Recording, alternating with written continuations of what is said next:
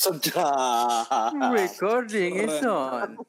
Terima kasih banyak teman-teman sudah hadir malam ini. Sudah menyempatkan waktunya di bulan Ramadan. Uh, hari ini ada Andika Alfana ya yang hadir untuk bercerita tentang uh, gimana sih survive di Jakarta dari zaman ngantor sampai akhirnya bisa berdikari. Eta si Ilal kudu dua gitu, gitu. anjis. Standar. Standar dia mah penuh pesona. kudu anjing pakai HP, pakai laptop. Jadi CCTV. Eh laptop. laptop gua sinyalnya ini bor. Apa enggak enggak stabil. Jadi bisa langsung pindah-pindah. Oke, silakan untuk Oh ya, nanti kalau nanti teman-teman mau bertanya di sini ada fitur raise hand ya. Angkat tangan. Angkat tangan. Yang di tengah. Ah. Nanti kalau mau bertanya. Jadi kalau ada yang mau nanya bisa klik itu aja.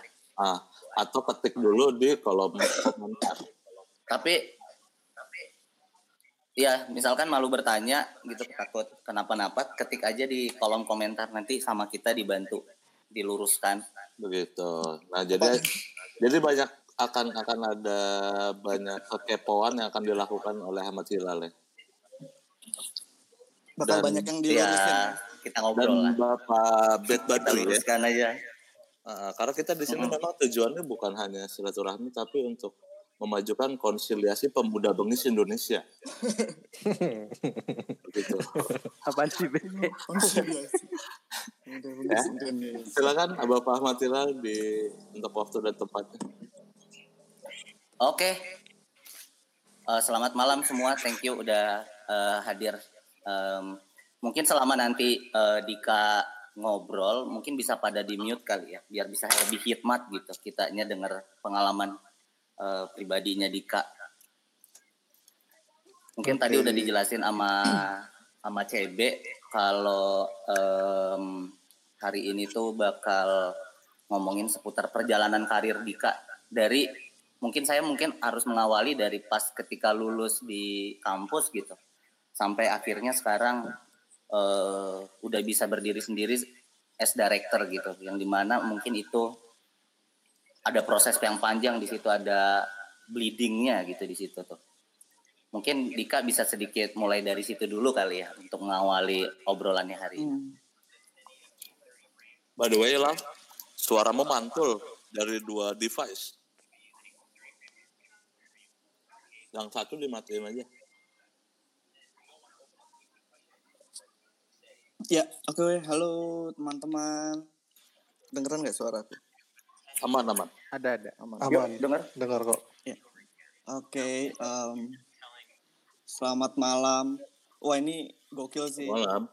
Inisiatif project CB Badrun Hilal nih gokil sih. Bakal uh, apa impactnya cukup besar lah. Kita bisa silaturahmi ya. Kita bisa silaturahmi bisa bisa bisa ngobrol-ngobrol bareng. Sebetulnya gini sih, mungkin langsung aja ya. Um, Ya, sebelumnya terima kasih banget nih sama Badrun Hilal CB yang udah bikin platform ini. Jadi kita bisa sharing bareng-bareng. Mungkin sekarang kalau gue mungkin gini kali ya. Maksudnya gue cuman sedikit aja kali be ya. Gue nggak mungkin nggak terlalu banyak uh, bicara. Karena kan ini juga bagian dari circle kita ya. Maksudnya teman-teman kita mereka juga kita saling kenal kita saling saling uh, berjuang bareng lah. Kita tak saling ngerti proses satu satu satu sama lain. Mungkin bisa nanti sambil diskusi kali ya. Mm-hmm. oke. Okay. jadi gini mungkin singkatnya. Ya boleh. Uh, um, apa namanya? Iya so far sih kalau awal kali pertama kali di industri itu 2014 itu ketika uh, lulus kuliah saat wisuda. Wisuda itu gue udah langsung um, uh, apa namanya udah langsung stay di salah satu production house yang cukup besar lah di Jakarta Visual Farm gitu. Nah itu dia dia memang bergerak di bidang TV ya. komersial. Nah gue stay di situ dari magang lagi gitu bukan bukan langsung kerja maksudnya dari magang magang magang terus sampai akhirnya bisa jadi pegawai tetap and then pro- production assistant terus kayak sampai akhirnya bisa uh, bantuin director pelan-pelan ngasistenin. Uh, terus juga seling beberapa kali kayak bantuin di produksi juga. Intinya gue empat tahun di di salah satu production house dan di situ cukup banyak belajar. Nah uh, puji puji syukurnya ketika setelah empat tahun di apa di salah satu production house tersebut gue banyak belajar dengan circle yang cukup cukup besar gitu di, di TV komersial khususnya gitu. Di film dan TV komersial cukup ketemu relasinya jadi tertolongnya bisa punya relasi yang cukup banyak gitu. Bisa kenal uh, A B C bisa banyak belajar dari A B C dan sebagainya gitu. Sampai akhirnya gue uh, apa empat tahun karena ada satu problem yang cukup besar uh, gue harus cabut dari kantor itu Nah ketika gue cabut dalam waktu empat tahun itu gue pilihannya gambling sih. Gue cukup cukup gambling banget antara gue bakal concern di produksi atau uh, gue ngedirect sendiri. Awalnya itu sangat ragu gitu. Sangat ragu karena gue ngerti kondisi bahwa rata-rata nggak banyak director yang uh, uh, baru baru empat tahun misalnya gitu. Maksudnya seumuran gue gitu udah ngedirect nggak banyak. Apalagi toh TV komersial jatuhnya bukan bukan bukan iklan digital bukan. Maksudnya emang emang scope skupnya skupnya besar. Awalnya menakutkan serem. Dan TV, bisa dibilang kayak uh, akhirnya ketika gue cabut pun gue ditolong sama uh, sahabat-sahabat gue teman-teman gue. Gue nggak tahu mungkin ada di sini nggak ya? Ada Ijong Avan gue nggak tahu dia ada di sini apa enggak. Cuman mereka salah satunya yang sempat bantuin gue uh, mempercayakan gue untuk ngedirect satu brand. Dan itu cukup uh, so far cukup bagus impactnya. Terus sampai akhirnya di situ gue mulai confidence. Maksudnya kayak oke okay lah ya udahlah coba yuk. Tapi nggak nggak nggak nggak mudah kayak gitu. Gue nganggur dulu tujuh bulan kalau nggak salah jadi gue nganggur tujuh bulan situ kayak gambling. Gue di calling gue di calling untuk jadi asisten production atau jadi produ produser dan sebagainya gitu gue tolak. Gue nggak mau kayak kayak ibaratnya ya udah gue cuma mau ngedirect gitu. Tapi resikonya ya gue nggak ada yang tahu siapa yang mau siapa yang mau ngoling gue gitu. Pada keren itu. keren loh akhirnya tujuh bulan gue nganggur gue gue tapi udah punya save money save budget gitu gue punya punya tabungan gue punya tabungan di mana ketika tiga bulan let's say misalnya gue nggak punya nggak uh, bisa apa gue udah siapin buat bayar kosan bayar cicilan biaya hidup itu gue siapin. Tiga bulan pertama gitu kan gue kayak bingung anjir nggak ada yang ngoling gue gitu kan. Gue udah keliling-keliling nyoba sana sini. Empat bulan lima bulan. Anjir masih nganggur juga. Gue kira gue dengar orang-orang freelance dia bilang nganggurnya paling tiga bulan doang gitu kan. Ini kenapa gue empat lima bulan masih masih nganggur pas enam bulan mau ke tujuh itu gue inget banget tabungan gue habis sih tabungan gue habis karena gue gue bingung akhirnya ya karena gue harus harus survive kan. Tabungan gue habis setelah tabungan habis gue cuman ini sorry nih kalau misalnya rada klise ya sorry kalau rada klise cerita di sini nih uh, plot twistnya.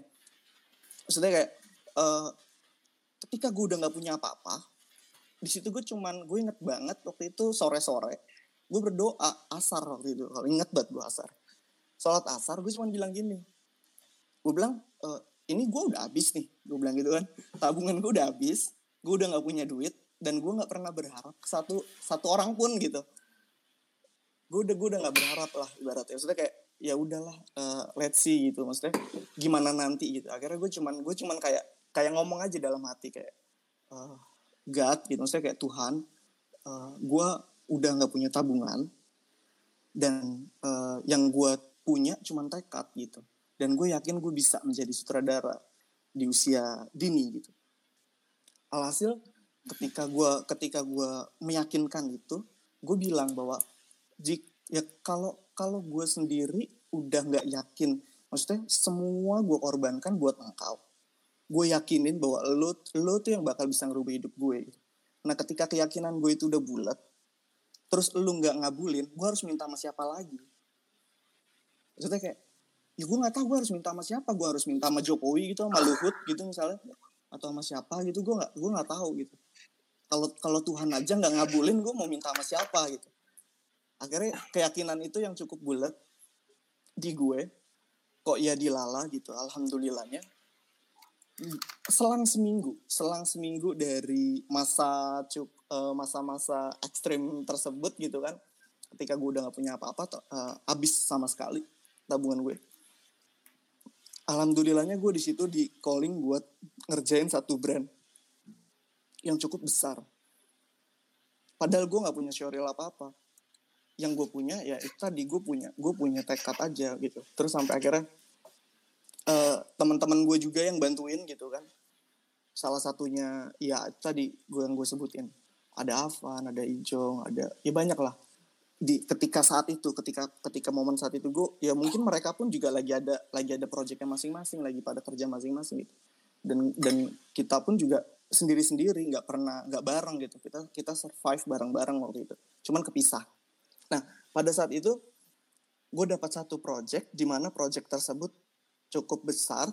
Nah ketika gue bisa meyakinkan satu eh gue sampai bilang gini kasih gue satu kesempatan buat ngedirect satu project besar ini. Kalau hasilnya jelek gue balikin duit lo padahal gue sendiri nggak nggak punya duit gitu. Gue sampai ngomong gitu ke kliennya pun kliennya pun tadi nyuri lu bisa apa gitu? Lu bisa apa? Lu nggak punya showreel nggak pernah ngerjain apa apa gitu. Gue bilang gini kalau emang hasilnya jelek gue balikin duit lo dan nggak tahu kenapa gue berani aja dan gue yakin gue bisa bikin bagus dan bakal bisa ngasih ngasih yang terbaik lah intinya. Ya karena balik lagi mental sih sebetulnya. Kayak mental gue yang yang gue rasa harus dibangun banget gitu. Yang yang apa percaya dirinya itu emang harus bener-bener maksudnya gini kalau gue sendiri aja nggak yakin gue bisa jadi sutradara terus gimana gue mau jadi sutradara gitu. Kalau diri gue sendiri aja masih ragu dengan kemampuan gue terus gimana gue bisa stand up gitu. Gimana gue bisa berdiri gitu. Gimana gue bisa jalan gitu. Itu itu keyakinan gue Eh, at the end Oh. gue mulai mulai pelan pelan ngedirect dari situlah pelan pelan alhamdulillah. Dan eh, cukup berlanjut. Dan di akhir tahun 2019 di akhir tahun 2019 eh, thanks God gitu. Maksudnya gue ber, gue bersyukur alhamdulillah TVC gue itu masuk eh, TVC terbaik. Anta, eh, versi OJK ya versi OJK di antara eh, bank-bank yang ada di Indonesia. BRI Mandiri di antara iklan-iklan yang lain. Ada nominasi dan itu kalau nggak salah dua dua TVC gue ya. Dua TVC gue itu divisi terbaik. Dan itu di waktu tujuh bulan gue ada di industri yang relasinya ketika sama persis tujuh bulan pula gue nganggur tujuh bulan gue ada di industri gue mendapatkan uh, achievement itu gitu. Dan gue kayak wow ternyata emang kayak uh, law of attraction gitu apa yang kita pikirkan itu ternyata terjadi gitu.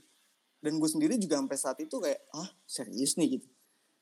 Ya ya itulah singkat ceritanya gitu kurang lebih Uh, dan sampai saat ini masih masih masih berjalan. Alhamdulillah. Sedap. Oh, oke. Lu sungguh ini ya, maksudnya banyak banyak banyak bleedingnya di situ ya, banyak prosesnya sampai sampai akhirnya lu tidak punya apa-apa selain selain meminta sama uh, Mm-mm. Tuhan ya pada Betul. akhirnya gitu. at the end ke situ Ya. gitu ternyata Em, mungkin untuk eh, mungkin Badrun eh, ingin merespon dulu gitu. Eh, Yang. Tapi, Karena soalnya awal tadi agak sehingga yang agak spiritual, Drun. iya iya iya. Maka, maka titik baliknya agak spiritual. Yo, iya. Jadi Badrun di sini Ah, Di sebagai ya? sebagai mungkin lu bisa eh, apa kemarin tuh namanya Drun? Apa be? Apa sih namanya? Gue lupa dah. penasihat spiritual. Penasihat spiritual. Enggak di sini tuh sebenarnya gue Ya. pengen apa ya? eh, kayak apa namanya? Kayak memperjelas aja ya, eh, Lal, bahwa eh, sebenarnya eh, semua orang pasti pernah ngalamin hal ini, pernah ngalamin di mana saat lo berusaha Benar. Diiringin sama sesuatu yang lo percaya, yang lo pegang gitu ya. Hmm. eh, itu hasilnya pasti eh, pasti ada hasilnya gitu. Entah itu ke arah baik atau buruk itu masalah belakangan, tapi seenggaknya saat lo mem- memegang sesuatu, percayakan sesuatu dan lo berusaha, itu pasti ada hasilnya itu. Ini yang semua dari mungkin dari orang-orang di sini tuh pernah merasakan gitu. Eh, di mana eh, usaha tanpa berdoa itu sia-sia dan berdoa tanpa usaha lebih sia-sia. Mantap, mantap Gitu. Pak Haji. Luar Oke. biasa. Seperti itu. Kurang pecinya nih kayaknya nih. Eh, Udah ada Um, nih. Ini kemarin pada udah perjanjian. Gua loh. tadi- Baru, Ada perjanjian. iya, pakai kacamata Ya. hitam, pakai peci, pakai gamis. Iya benar juga ya. ini nih Dik, dari em, eh, penjabaran lu, penjelasan lu barusan gue melihat ada dua kata yang menurut gue penting gitu di situ. Ada mental di situ, terus ada keyakinan di situ. Nah, pertanyaan gue mungkin yang pertama adalah sebenarnya mental yang seperti apa sih yang apa yang harus kita siapkan gitu Hmm. Ya. Eh, untuk ya semua orang pernah berada di posisi seperti ini gitu. Hmm. Eh, tapi tidak semua orang memiliki mental yang cukup em, bisa dia eh, bawa terus dengan keyakinan itu sendiri gitu karena dari tadi gue dengar apa sih yang membuat lu yakin dengan passion lu itu gitu Hmm. sampai akhirnya lu mempunyai mental yang gede gitu untuk melanjutkan untuk survive gitu Hmm. Ya, thank you lah. Um, mungkin gini ya, apa? uh, sorry, gue punya, gue mungkin kayak punya teori. Mungkin teori gue salah gitu. Mungkin teori gue ngaco. Tapi oke lah, gue mau coba sampaikan ya. Gue gue punya pandangan mungkin kayak gini kayak gue gue gue gue percaya gitu bahwa uh, setiap insan, setiap orang, setiap makhluk Homo sapiens gitu, manusia ditakdirkan di bumi itu punya gift Hmm. itu punya gift itu punya anugerah bullshit Tuhan cuman sekedar kayak anjir ah bikin ada blank dah dia jadi apa? Nak giftnya apa? Karakternya apa? Udah gimana nanti? Enggak enggak. Semua tuh udah ada. Semua udah ada rules ya gitu. Terus kayak gue gue gue juga nyari tahu gitu. Ya di beberapa kitab suci pun ada gitu. Bahkan kalau di di, di muslim pun ada. 3000 tahun sebelum adanya alam semesta. Itu udah ada. Itu udah itu udah ada. Itu udah ada jalan. Itu udah ada takdir. Itu udah ada rules. Itu udah ada skenario. Di Weda pun ada. Di Hindu Buddha pun ada gitu jadi kayak manusia itu udah dirancang jauh-jauh jauh-jauh jauh-jauh hari sebelum ada alam semesta. Berarti kan itu salah satu hal yang istimewa gitu. Nah eh, di situ poinnya adalah maksud gue gini. Ketika gue sadar bahwa setiap manusia itu punya gift gue mencari. Gitu gue mencari bahwa oh gue punya giftnya apa ya? Apa gue senang di dunia eh, kedokteran misalnya? Atau eh, gift ini dalam arti konteksnya ini aja deh yang paling simpel. Mungkin lebih kayak ke eh, passion ya. Hal yang kita suka hobi lah mungkin ya. Setiap orang mempunyai eh, giftnya mungkin kontekstualnya lebih ke situ. Nah mungkin kayak eh, apa gue senangnya apa ya? Misalnya kayak kedokteran kah? Hukum misalnya? Atau bicara eh, apa namanya? Misalnya kayak ilmu-ilmu yang eksak gitu. Kayaknya nggak ke situ gitu. Ternyata gue seneng hal-hal yang kreatif. Nah dari situ gue pelan-pelan mulai cari tahu. Oke ini eh, oke gue kayaknya gue nyaman di dalam hal-hal kreatif. Lebih spesifik lagi gue ke arah mana? Teater kah? Misalnya lukis patung desain gambar dan sebagainya gue nggak tahu. Akhirnya gue nyari kan gue nyari gue nyari gue nyari dari dari dari SMA pada kalau pada saat itu. Sampai akhirnya kuliah.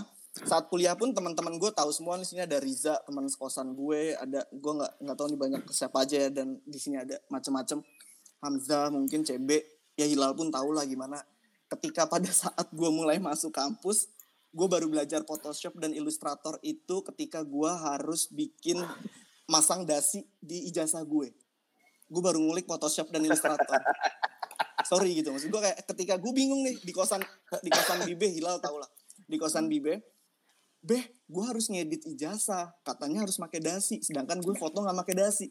Ya kok inilah dengan logat Medan gitu kan. Bibe, iya kok kok edit lah. Kok anak DKV masa nggak bisa edit. Kok pasang dulu itu dasi kata dia. Baru di situ gue mikir kan, anjing. Iya, gue anak DKV masa masang dasi doang gue nggak bisa gitu kan. Ya, ya kok ajarin dulu lah. Eh macam mana pula kok udah ijazah nggak bisa pasang-pasang dasi. Akhirnya gue malu kan, gue gengsi. Gue gue browsing tuh di YouTube tuh, gue browsing di YouTube cara eh, apa eh, masang dasi di Photoshop gitu lah maksudnya kayak buat buat ngegabungin gambar. Akhirnya gue gue gue coba dan sekarang bukti fisiknya masih ada dan itu kacau men. Nggak nggak presisi gitu loh dasinya. Jadi kayak ada di samping agak miring dikit tapi ya udah. Itu salah satu pertama kali gue megang Photoshop dan Illustrator. Nah poinnya sebetulnya dari cerita gue ini adalah awal masuk gue udah ya gue udah gue udah berkomunikasi baik lah sama sama pada saat itu sama beberapa ya sama teman-teman gue juga sama, sama banyak lah di situ. Ketika pertama masuk yang ada di pikiran gue cuma satu gue mau jadi sutradara. Sehingga gue gue nggak terpecah. Maksudnya kayak gue fokus bahwa oke okay, ilmu yang bakal gue kuasain itu adalah da, uh, uh, perfilman gitu sutradara. Nah perihal desain itu nomor sekian. Makanya gue nggak nggak mau nggak mau terlalu banyak mempelajari uh, tentang DKV maksudnya dalam segi teknis ya bukan dalam segi knowledge gitu. Teknis nggak begitu banyak ngulik karena gue fokusnya ke situ. Nah itu yang gue rasakan dari awal. Itu yang gue rasakan dari awal bahwa oke okay, someday ya uh, dan oh gue inget banget pada saat itu gue ketemu mentornya itu kalau nggak salah um, siapa? Beo. Ah Beo. Gue gue ketemu orang pertama saat di kampus itu sama Beo. Beo tuh genius menurut gue kayak ini orang anjing emang pikirannya gila. Maksud gue kayak pertama kali ketika gue lulus baru lulus SMA terus gue ketemu Beo terus gue gue sekelompok kalau nggak salah sama sama siapa gitu lupa. Nah kita harus bikin satu pertunjukan kita harus bikin satu pertunjukan. Nah gue brainstormingnya sama Beo. Wah gila ini orang gila sih asli. Terus gue ngobrol banyak dan ternyata alhamdulillahnya hasil brainstorming gue sama Beo itu jadi pertunjukan terbaik ide itu gitu. Apa wewe gombel apa kalau nggak salah gitu gue inget WW Gombel. Nah itu ngalahin kelompok-kelompok yang lain tuh pada saat itu. Tuh. Nah itu gue thank you banget sama Beo. Hmm. Nah, um, um, um, ya pak ya ketika itu dari awal kuliah, dari awal kuliah gue udah udah yakin bahwa itu gift gue, gue bakal ngejar. Bakal.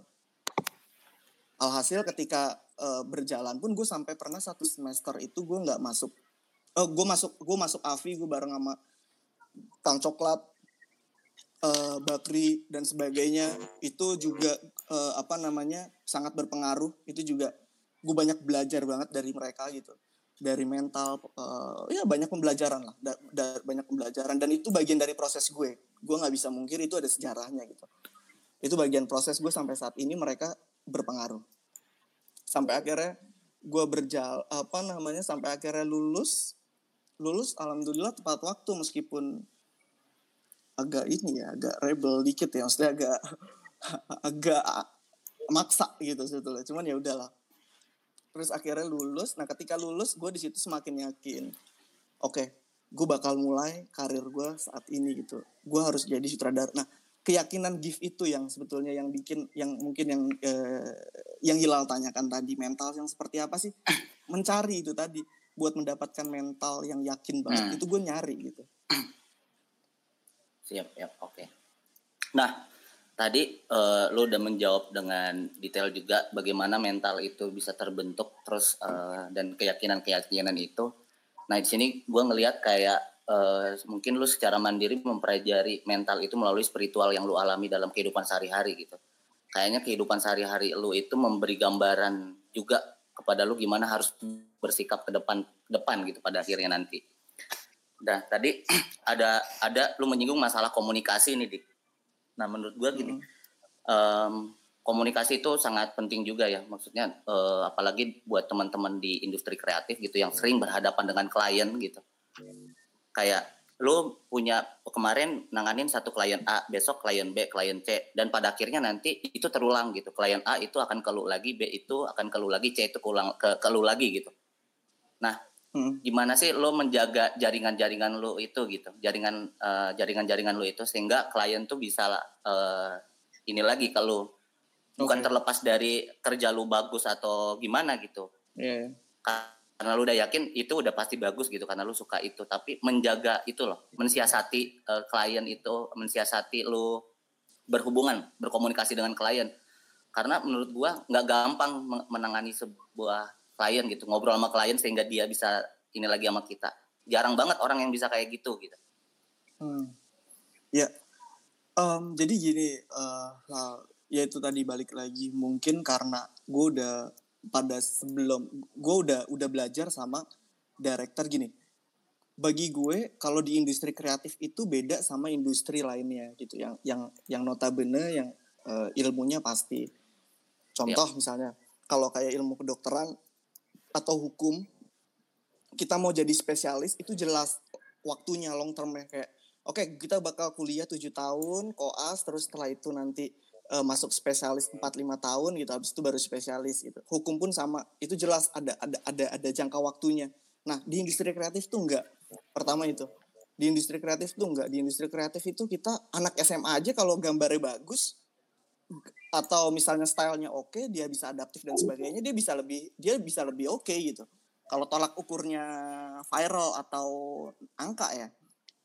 Tapi balik lagi kalau kalau industri kreatif kalau menurut gue itu itu lebih beyond itu lebih lebih lebih le, di luar dari di luar dari ilmu eksak itu sendiri gitu nah jadi ke pertama itu kalau gue ngelihat pertama karena gue jadi gini pembelajaran gue itu waktu itu mikir dua hal gue kalau nggak um, apa namanya ikut orang belajar ikut orang which is director yang emang uh, mahir di bidangnya nempel kayak gue belajar kayak ngikutin dari cara hmm. dia makan, cara dia ngomong dan sebagainya gitu atau memang gue belajar sendiri aja udah tentang lantung ke mana nyoba ke A ke B ke C ke D. Nah pilihannya cuma itu menurut gue di, pada saat itu di dalam industri kreatif di di lapangan. Alhasil gue milih oke deh gue ngikut satu orang, gue ngikut satu orang yang dia memang mahir di bidangnya. Nah ketika gue udah ikut satu orang, gue kan jadi ketemu klien macem-macem gitu ya, ketemu orang, ketemu klien, cara kerjanya dan sebagaimana gue jadi belajar Nah dari situ kebawa karakternya gitu. Jadi kebawa karakternya bahwa oh ketika menghadapi klien itu seperti apa. Dan yang terpenting emang kita harus bisa mempelajari karakter klien sih secara psikologis pastinya gitu. Jadi nggak bisa dipukul rata kalau kalau setahu gue, setahu gue nggak bisa dipukul rata. Misalnya kayak BUMN, swasta itu seperti apa handle-nya, gimana, seperti apa bridgingnya, seperti apa, apa sih, uh, sebetulnya gini, kalau di dalam komersial gini kan poinnya poinnya adalah apa yang kita apa yang kita tahu menurut kita bagus belum tentu menurut dia bagus gitu. Nah, hmm. kita dibayar karena kita ngerti tesnya dia, sesimpel itu. Karena kita tahu apa sih yang dia mau gitu. Karena kita ngerti, oh ternyata yang dia pengen tuh itu gitu. Bukan apa yang kita tahu, bukan apa yang kita mau. Sebisa apa kita bisa membaca karakter si klien yang mereka mau gitu. Itu kan sensitivitas hmm. ya, kepekaan aja sih. Hmm. Ya mungkin itu. Nah, um, thank you Dik. Ini ada Badrun nih nulis di komen, dia pengen lu nyeritain pengalaman pertama kali, pengalaman lu ketika ketemu klien, apa aja sih yang harus disiapin gitu. Mungkin lu bisa ngebahas dari perspektif lu, tapi sebenarnya itu bisa general gitu pada nantinya. Hmm. Oke. Okay. Um, mungkin gini aja ya. Uh, sim apa gue gue mau shortcut aja shortcut gitu ya jadi kayak mungkin di awal kalau gue kan posisinya memang uh, gini idealnya kan misalnya contoh ketika kliennya adalah Coca-Cola misalnya Coca-Cola dia mau bikin iklan Ramadan which is dia ngundang agency nah ketika agency itu bikin satu konsep cerita di situ nanti disesuaikan kira-kira direkturnya yang cocok siapa nah yang propose director itu kan production house gitu nah nanti di situ ada ada quotation angka, budget dan um, apa namanya treatment kreatif. Nah nanti diadu tuh di pitching setiap production house bawa director masing-masing. Nah dengan brief dari agency dan klien ini itu kita bikin konsep kreatifnya, treatmentnya seperti apa, sama requirement budgetingnya seperti apa, gitu. Nah, ketika emang itu kita udah kita udah apply, nanti dia mereka milih, gitu. Misalnya misalnya kita menang, misalnya gue menang, nah mulai pertama itu biasanya kita uh, kayak inisial brief. Inisial brief itu gue bakal ketemu sama agensi dan kliennya, mereka maunya apa, poin-poinnya, message-nya apa, uh, yang emang mau di-highlight dan sebagainya. Sampai akhirnya di situ gue punya kewenangan buat milih tim. Atau nanti biasanya ada tim yang udah biasa kayak, oh director of photo, DOP-nya siapa, art directornya siapa, wardrobe siapa, dan sebagainya siapa, semua udah di, uh, apa namanya, kita udah punya kita udah punya listnya gitu dan yang misalnya yang yang udah gue gue merasa nyaman kerja sama dia kayak oh, ini gue nggak akan nggak akan rewel kayak kalau gue artnya gue milih dia oh di OP-nya kalau ini kayaknya nih pas nih karakternya traveling dan sebagainya. Itu kan pelan-pelan ya kayak eh, chemistry. Nah Hmm. dan prosesnya di situ lah. Maksudnya di situ ketika gue udah mulai milih tim di situ ada pre-production meeting terus sampai akhirnya syuting ketika syuting pun ada post production gitu. Editing pun ada present dan sebagainya. Ya shortcutnya seperti itulah. Hmm. Jadi emang apa ya kayak lu bisa melihat ada chemistry itu dulu ya yang sebenarnya. Lu melihat kembali lagi ya lu melihat jaringan-jaringan lu juga ya. Seperti apa sehingga eh, itu membuat lu bisa cepat gitu me- mengerti apa maunya klien ya. Iya, iya mungkin itu. Karena emang udah udah terbiasa ketemu dengan macam-macam karakter orang, karakter klien apa yang dia pengen gitu. Dan yang terpenting sebetulnya itu tadi mental tadi. Karena gini, bayangin kayak gua gua gua duduk di tengah di tengah di mana di situ kayak misalnya ada GM, ada direk, diru- direktur, VP dan sebagainya. Dan projectnya itu kan bukan project kecil gitu, misalnya kayak eh, ya sekian ratus juta atau sekian M misalnya gitu kan. Dan ma- seluruh mata direksi jajarannya itu ke gue misalnya gitu. Ketika gue ngomong, jadi ketika gue ngomong A, dan itu harus dipertanggungjawabkan gitu. Karena mereka udah naro uang sebegitu besar dan percaya bahwa oke lu direkturnya gue yakin nih iklannya bagus ya. Gue nggak mau tahu karena gue udah ngasih duit gitu. Nah itu mental itu beban banget, itu beban banget. Jadi kayak itunya dulu harus dilawan, itunya udah dilawan, selebihnya bisa bisa let it flow. Oke. Cool. Ini ada pertanyaan nih Dik dari Ijong nih.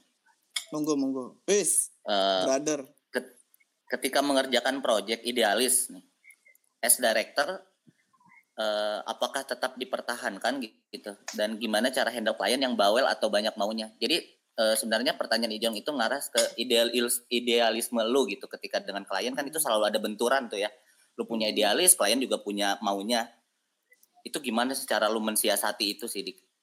Terus lu ngehandle klien itu gimana? Yang BM banget. Hmm.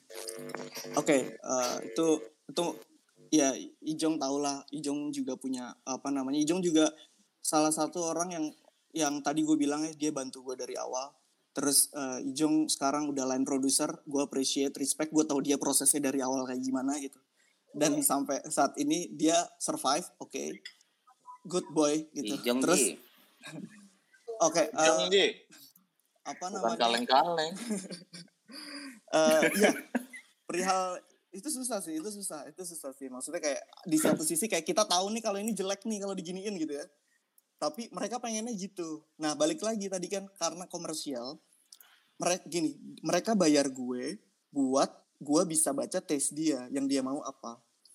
Gitu loh. Gue bisa gue bisa ngasih bahwa oke gue tahu lu bayar gue gue tahu yang mau lu mau tuh kayak gini pasti. Bullshit kalau klien mau bikin satu production dia nggak tahu gitu ya kalaupun dia nggak tahu tapi dia punya feeling dia punya perasaan dia punya taste kayak mungkin dia nggak bisa ngomong atau dia nggak ngerti teknis tapi dia dia punya feeling kayak anjing ini yang gue mau sebetulnya gitu. Nah gue harus dapetin itu tuh. Jadi bukan bukan Oh. guanya dulu bukan menurut gue bagus dulu tapi gue harus baca oke gue tahu kalau gini bagus tapi kalau ini gue kasih dia dia nggak akan mau. Jadi kayak gue buang-buang energi gitu sebetulnya. Harus baca situasi itu sih. Maksudnya kayak Oh, jadi lu lebih harus memilih jelas. melihat maunya apa dulu ya? iya maunya apa dulu Lu habis lebih itu baru betul Mm. habis itu baru ya Nah, udah kita ini- ngeblend apa Oke, ini Badrun nih. Andika eh, nanya, Andika lebih memilih handle kerjaan yang menantang dengan bayaran standar atau kerjaan yang biasa saja tapi duitnya bagus? Sejak inilah duniawi pertanyaannya kan.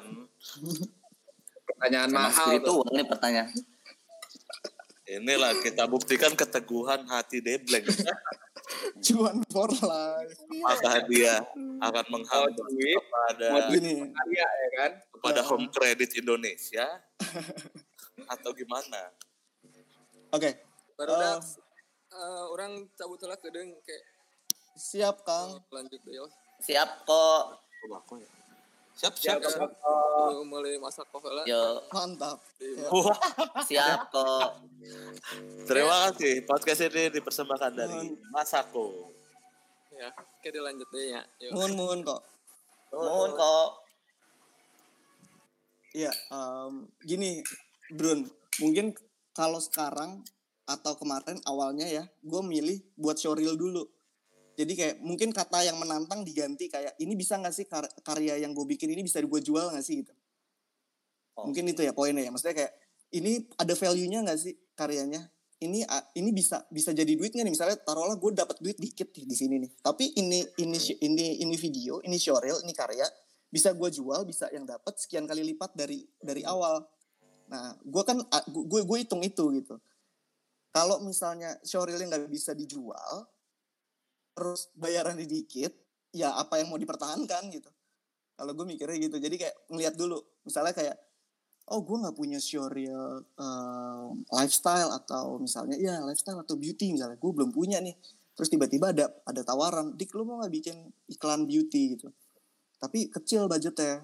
Oke, gue lihat boardnya, boardnya gini. Gue bisa explore banyak. Oke, lu bisa explore banget. Nah, gue, oke nggak masalah, lu bayar gue dikit. Tapi lu tolong eh, support gue. Apa yang gue mau, tolong dikasih gitu. Nah, ketika gue dapat dapat bayaran dikit, tapi requirement gue semua dipenuhi, gue ambil. Karena gue tahu ketika ini jadi bagus, gue bisa dapetin yang yang yang lebih bagus lagi dari ini gitu. Itu mungkin ya. Bertujuan ya Oke. berarti ya. Mm-mm. lebih ke ininya ya. Ini ada pertanyaan nih dari DBS Avan Miraza. Waduh. Bagaimana. Nge-maintenance Sultan, Sultan. klien? Gimana lu nge-maintenance klien ex existing Hmm. biar selalu trust sama kita. Jadi ngebuat klien tuh trust banget ke lu dan ngasih project-project baru ke depannya. Oke. Eh, thank you. Ya urusan Avan. cuan lagi ya kalau double. Iya kalau double oke lah. Avan nih, Avan juga keren banget maksud gue. Doi juga dia juga yang dia juga yang bantu gue. Dia juga bantu gue. Van, thank you Van. Banyak banget eh, eh, bantuan dari Avan juga. Iya, Relasinya dan sebagainya. Iya saya. Ya. Se seanjing-anjingnya Tunjukkan kita, wajahmu, gitu. Mas. ya sayang lah gue sama Van. Jadi gini eh, mungkin Van ya. eh, ini ini mungkin langsung real aja sih kenyataannya kayak mungkin kayak gue gue gue baru pertama kali ketemu klien misalnya taruhlah klien itu eh, BUMN misalnya ya misalnya taruhlah BUMN kliennya gue baru pertama kali nih dikenalin sama eh, apa namanya sahabat gue si Avan ini gitu kan.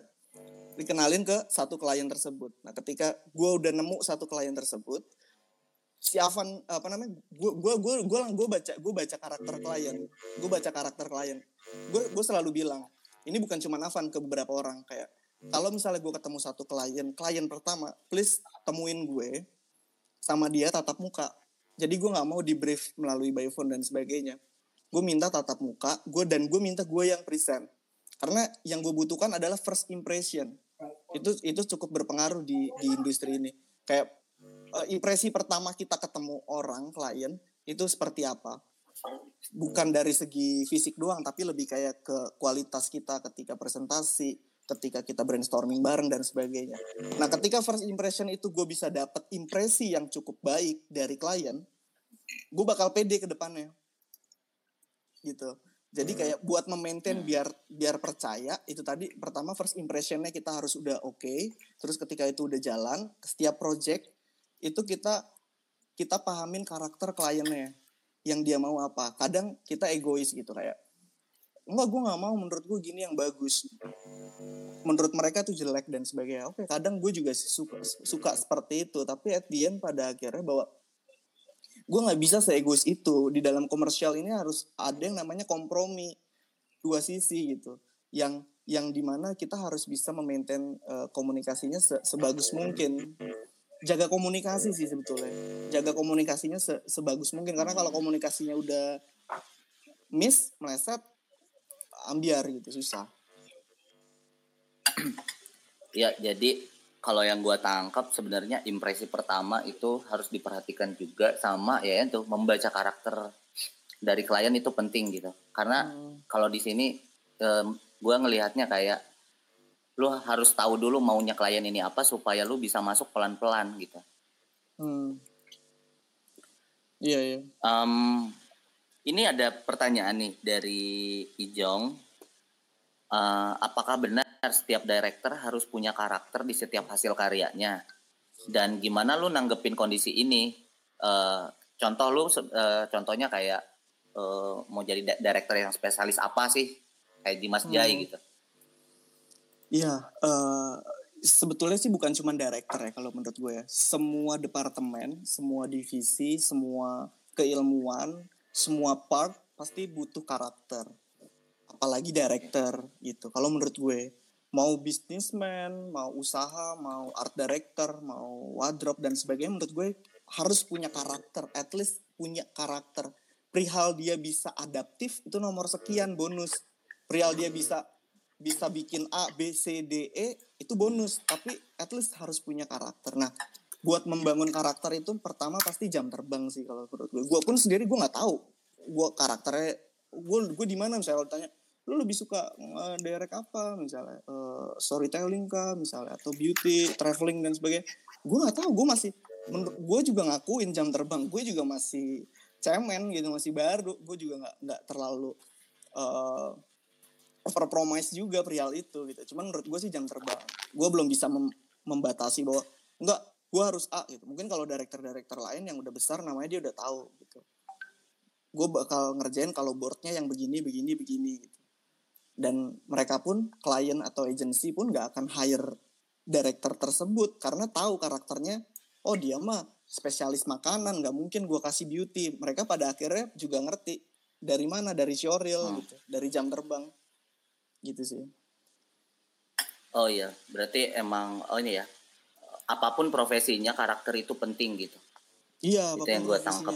setuju karena itu USP-nya ya yang maksudnya kayak pembeda antara karya A dan karya B Mm-mm. eh, karakter itu gitu yang sebenarnya impresi orang tuh bisa terbangun dari situ gitu karena oh ada sesuatu yang baru nih dari karakter ini jadinya lo Iya. lebih memperlihatkan itu di awal ya iya betul nah Iya, betul. DBS DBS nih nanya lagi apa goals untuk karir dalam waktu dekat ini nih Mas Dika karir ya? Karir. Cinta Karir mah nanti dik. Asmara sekarang ya. karir Cinta- dulu. aduh cinta perih euy. Ya, karisma kok. Kita aku Bang? perih mang. Ya udah eh, apa karir ya? Karir dulu, karir. karir dulu. karisma korolus kalau karir gini mungkin eh, eh, gue sering beberapa kali ngobrol sama teman-teman gue dalam berproses ya. Kalau di dalam industri kreatif ya yang gue tahu yang gue tahu. Yang gue tahu sorry sorry gitu sorry to say bahwa menurut gue pilihannya cuma dua di industri kreatif ini. Antara mau jadi freelancer yang laku gitu. Nggak usah mahal dulu deh laku lah misalnya gitu. Atau kita bikin company sendiri gitu. Atau kita bangun sendiri bangun wadah sendiri. Menurut gue pilihannya cuma itu di dalam industri kreatif. Kenapa? Ya itu tadi karena kita beda dengan industri kedokteran industri hukum eh, apa namanya tambang dan sebagainya. Kalau industri-industri tersebut tuh jelas ada ada ada waktunya gitu. Buat mendapatkan title A harus harus belajar harus kuliah sekian tahun dan sebagainya. Kalau kita tuh enggak. Kita random. Kita harus independen kita harus benar-benar bisa eh, explore. Iya iya. Jadi pilihannya cuma itu doang ya. Kalau antara jadi freelancer yang emang benar-benar punya integritas atau memang buka sendiri gitu.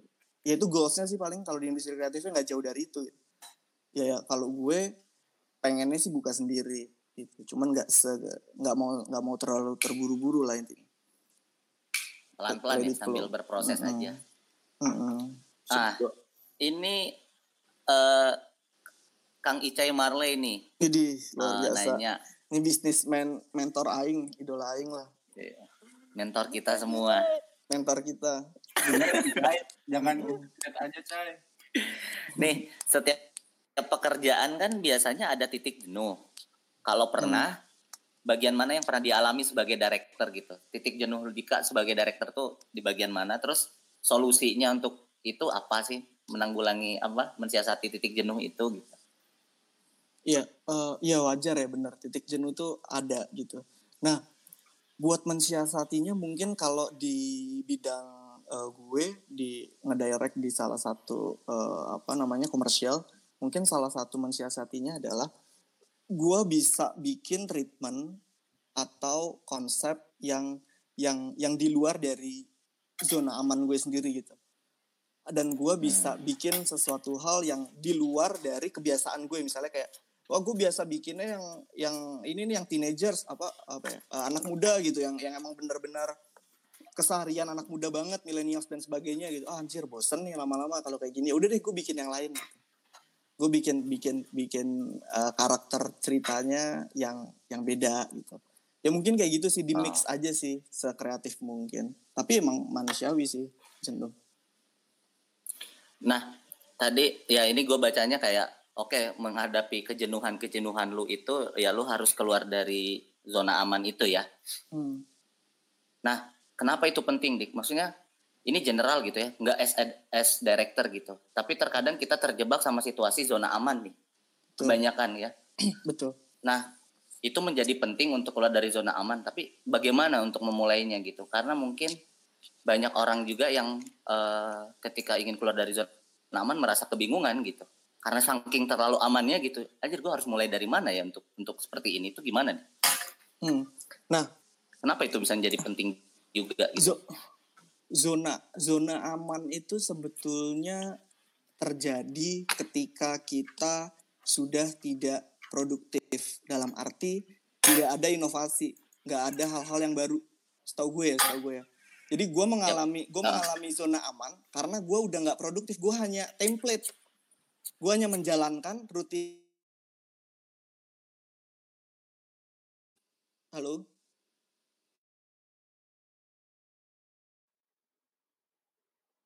Halo, halo. Kenapa di mute semua? Iya, halo, halo. Ke mute tuh Dika. Dik di unmute dulu dik. Iya, halo, halo. sip sip sorry sorry udah ya Lanjut. Ah, iya, menurut gue zona aman itu ketika momen di mana kita nggak produktif menurut gue. Kenapa gue bilang seperti itu? Karena rutinitas gue itu jadi template. Kayak jam segini gue harus bangun, abis ini gue bakal ngapain ya? Baca buku, nonton Netflix atau apa dan sebagainya gitu. Oke, abis ini gue kerja, gue harus ngantor, bla bla bla. Nah, ketika itu jadi template, itu menjadi zona aman gitu.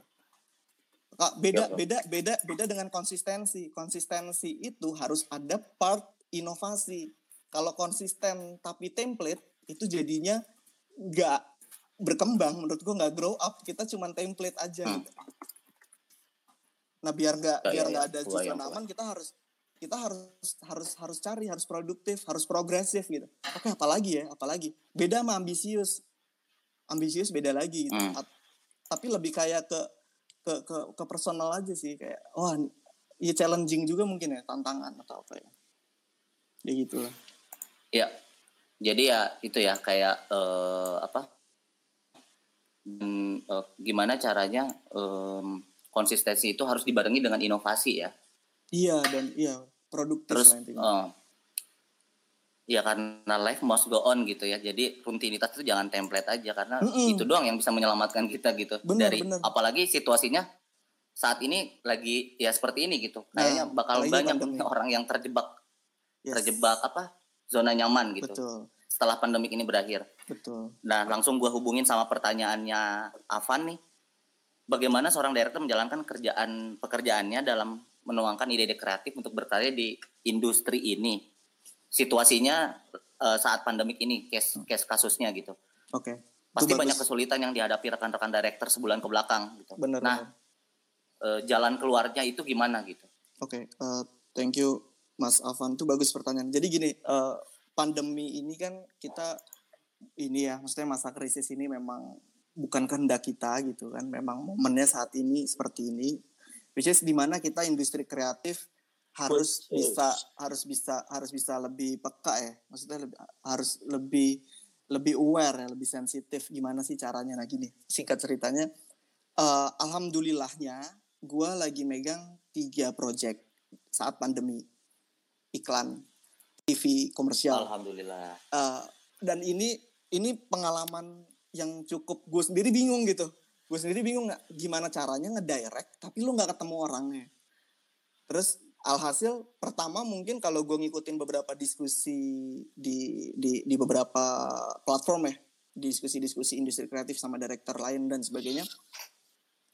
Jadi sekarang tuh rata-rata kebanyakan kalau nggak bikin animasi kalau nggak bikin yang syuting di rumah gitu syuting di rumah terus kayak jadi nanti gua, pertama gue lagi bikin animasi. Gue lagi jalan bikin animasi salah satu produk eh, makanan buat Ramadan. Terus yang kedua gue lagi jalan eh, bank BUMN juga. Bank BUMN buat eh, apa namanya buat Ramadan dan Lebaran juga. Satu lagi smartphone. Nah eh, jadi gini itu itu tiga part brand yang berbeda-beda karakternya ketika gue dalam pandemi ini. Pertama an- animasi. Animasi teman-teman tahu gue gambarnya terlalu surreal ya Gaudi tahu lah tuh cuman bisa gambar lilin ya cuman bisa gambar lilin Mas Gau animasi kita dapat A ya Gau kalau nggak salah ya dulu ya UFO Animasi UFO. Sampai Iya. akhirnya Pak Riksa bilang kesulitan dalam menggambar ya. Iya. ya gitulah. Jadi kayak eh, animasi pun challenging. Gimana ya cara ngedirect animasi ya? Gue nggak terlalu concern di dalam animasi gitu. Alhasil gue belajar lagi, gue nyari tahu tentang animasi yang relevan, yang bagus, yang bisa ngejual tuh seperti apa. Gue belajar tentang garis, tentang ilustrasi dan sebagainya. Meskipun gue nggak- bisa gambar, tapi gue harus belajar pada saat itu. Itu itu itu challenging banget. Gue tantangan baru ngedirect animasi.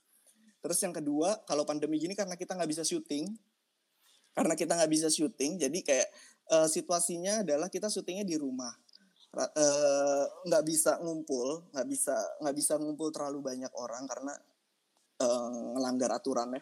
Jadi kayak eh, ngedirectnya itu melalui apa melalui ini kayak gini nih eh, melalui zoom atau melalui skype gitu misalnya kayak. Jadi tapi semuanya di eh, dan kameranya pun sekarang jadi minimalis.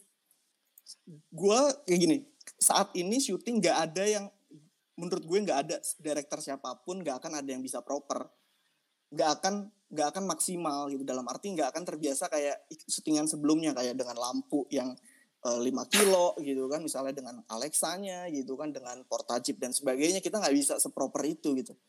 Saat ini syuting back to basic gitu. Pakai mirrorless. Malah rata-rata make ada iPhone 11 dan gue make ada satu produk gue harus make handphone syutingnya.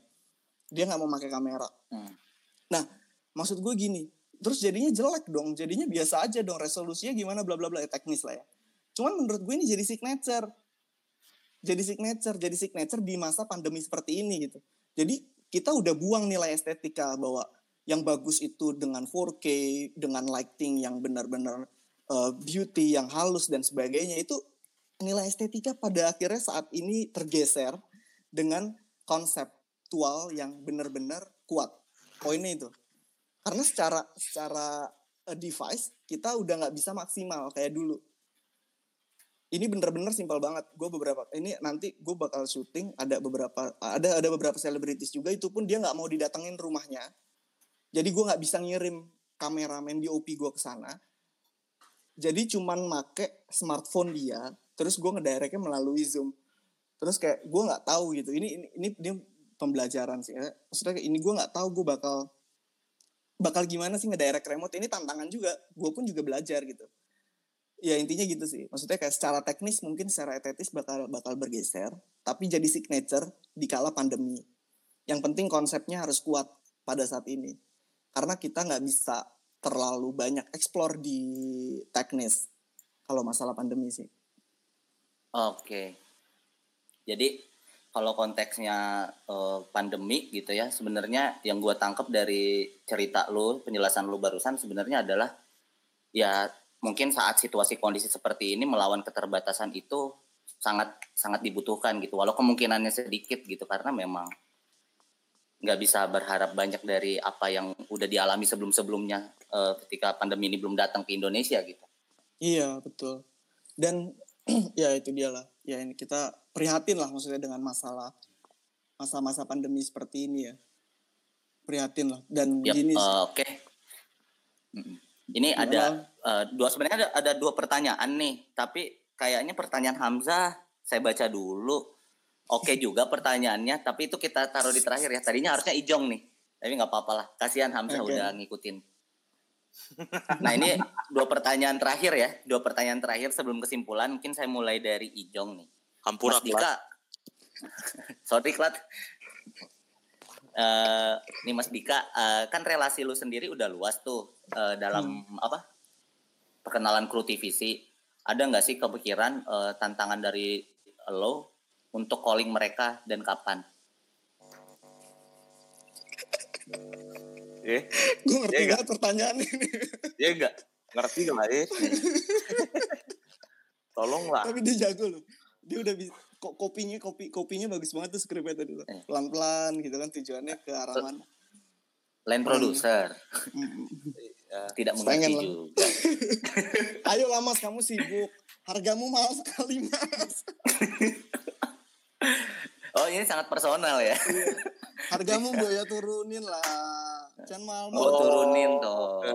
Mahal kali wa. Pertanyaan Nah. ini berarti muncul karena red sebenarnya ya.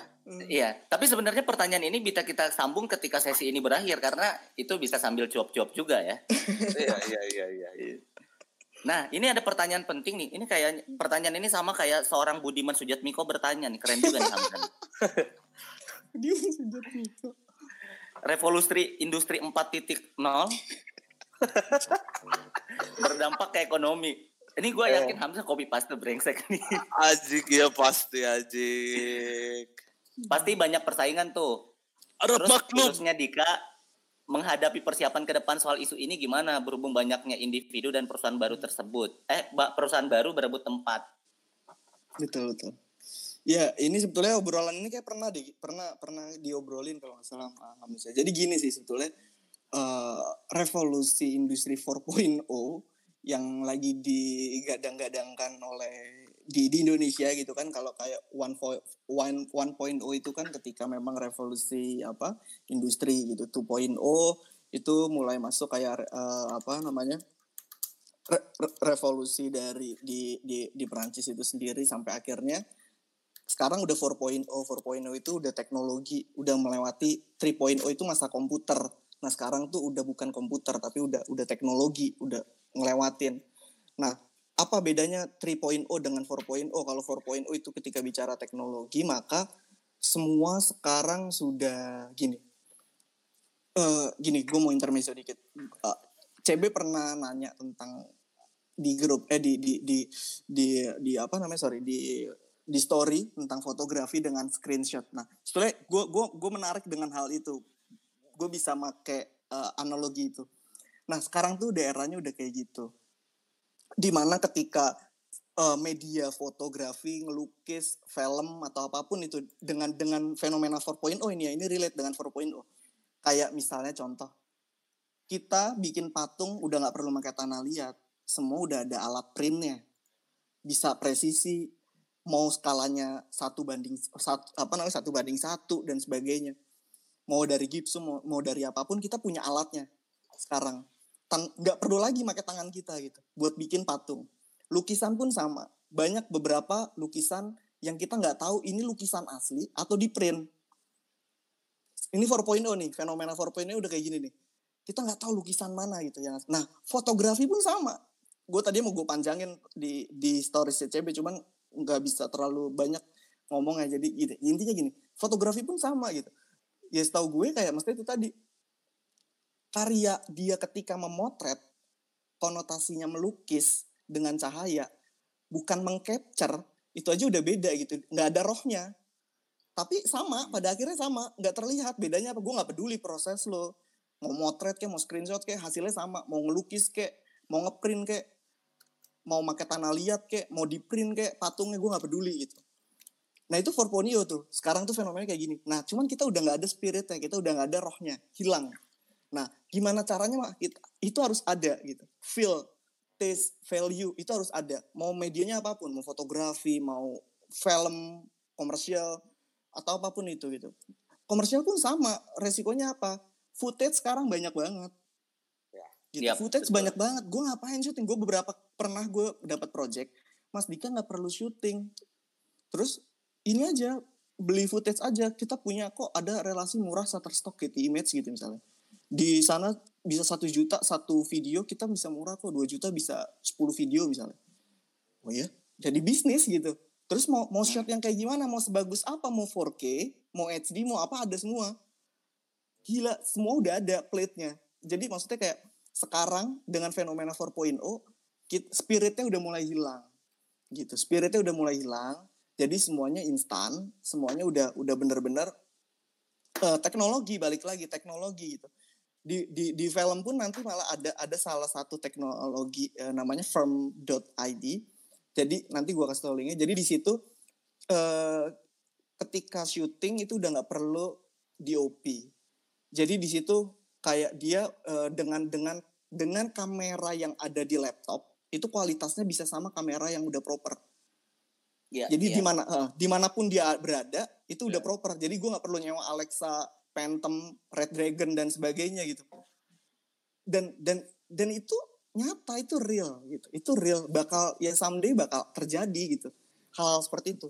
Malah gue sempat ngobrol cukup kritis lebih lebih dalam lagi bahwa oh berarti someday industri kreatif apa aja yang bakal hilang ya. Karena udah kayak gini lah editor misalnya. Ada aplikasinya em, em, apa namanya GoPro sampelnya lah ini paling cemen namanya Quick di apps. Nah di Quick itu ada eh, source namanya Smart Cut. Nah Smart Cut itu dengan gue ngeklik sekali Smart Cut itu video udah di-cut ngikutin ritme lagu udah halus banget. Iya. Terus mau kayak gimana pun udah jadi aja. Jadi gue nggak perlu nggak ada tes seorang editor bener-bener kayak editor kan second director, director kedua kan. Dia punya feel seperti apa. Nah sama semua media pun sekarang kayak gitu gitu. Semua media kreatif seperti itu dengan adanya 4.0 itu challenge, itu challenge, itu tantangan sih, tantangan buat kita. Tantangan buat kita gimana gimana gimana Menyikapinya ya? betul. Nah, iya nih. eh, tadi pertanyaan Avan sebenarnya eh, yang terakhir. Eh Hamzah nih, Budiman yang terakhir. Cuman nih Icai sebenarnya berhubung sama jawaban yang tadi sih.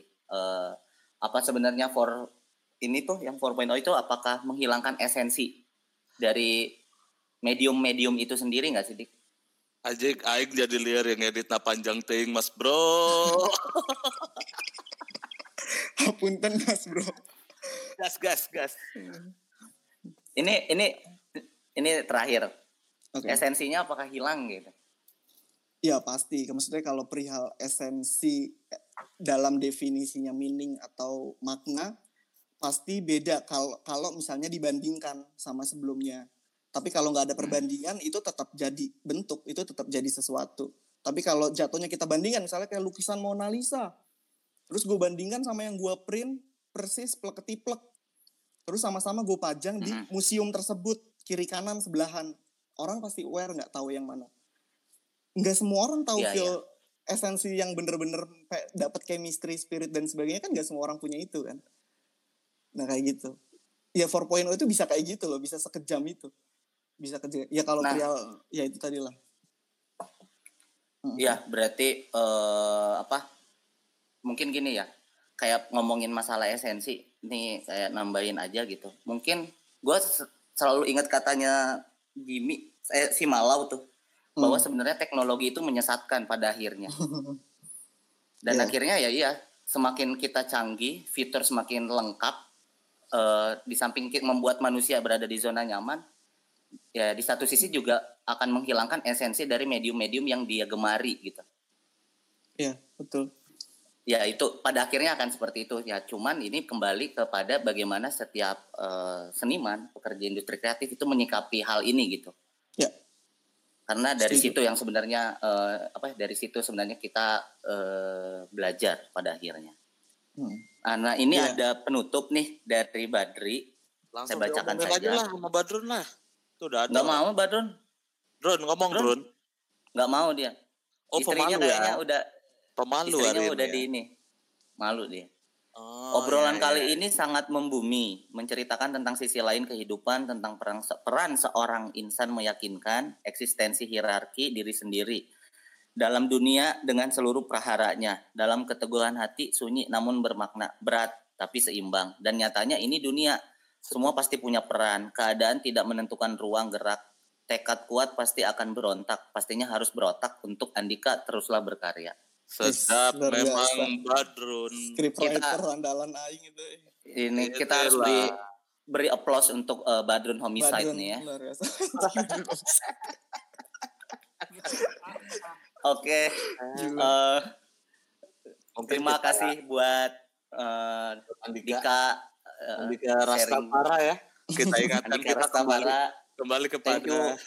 sebuah fosil yang bernama Andika Rastafara ya. Thank you. Malu orang sama eh, Icai Marley.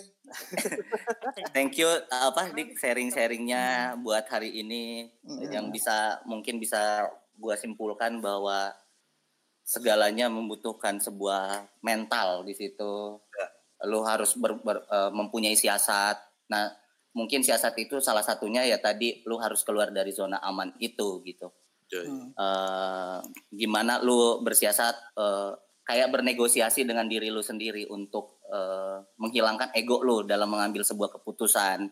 Hmm.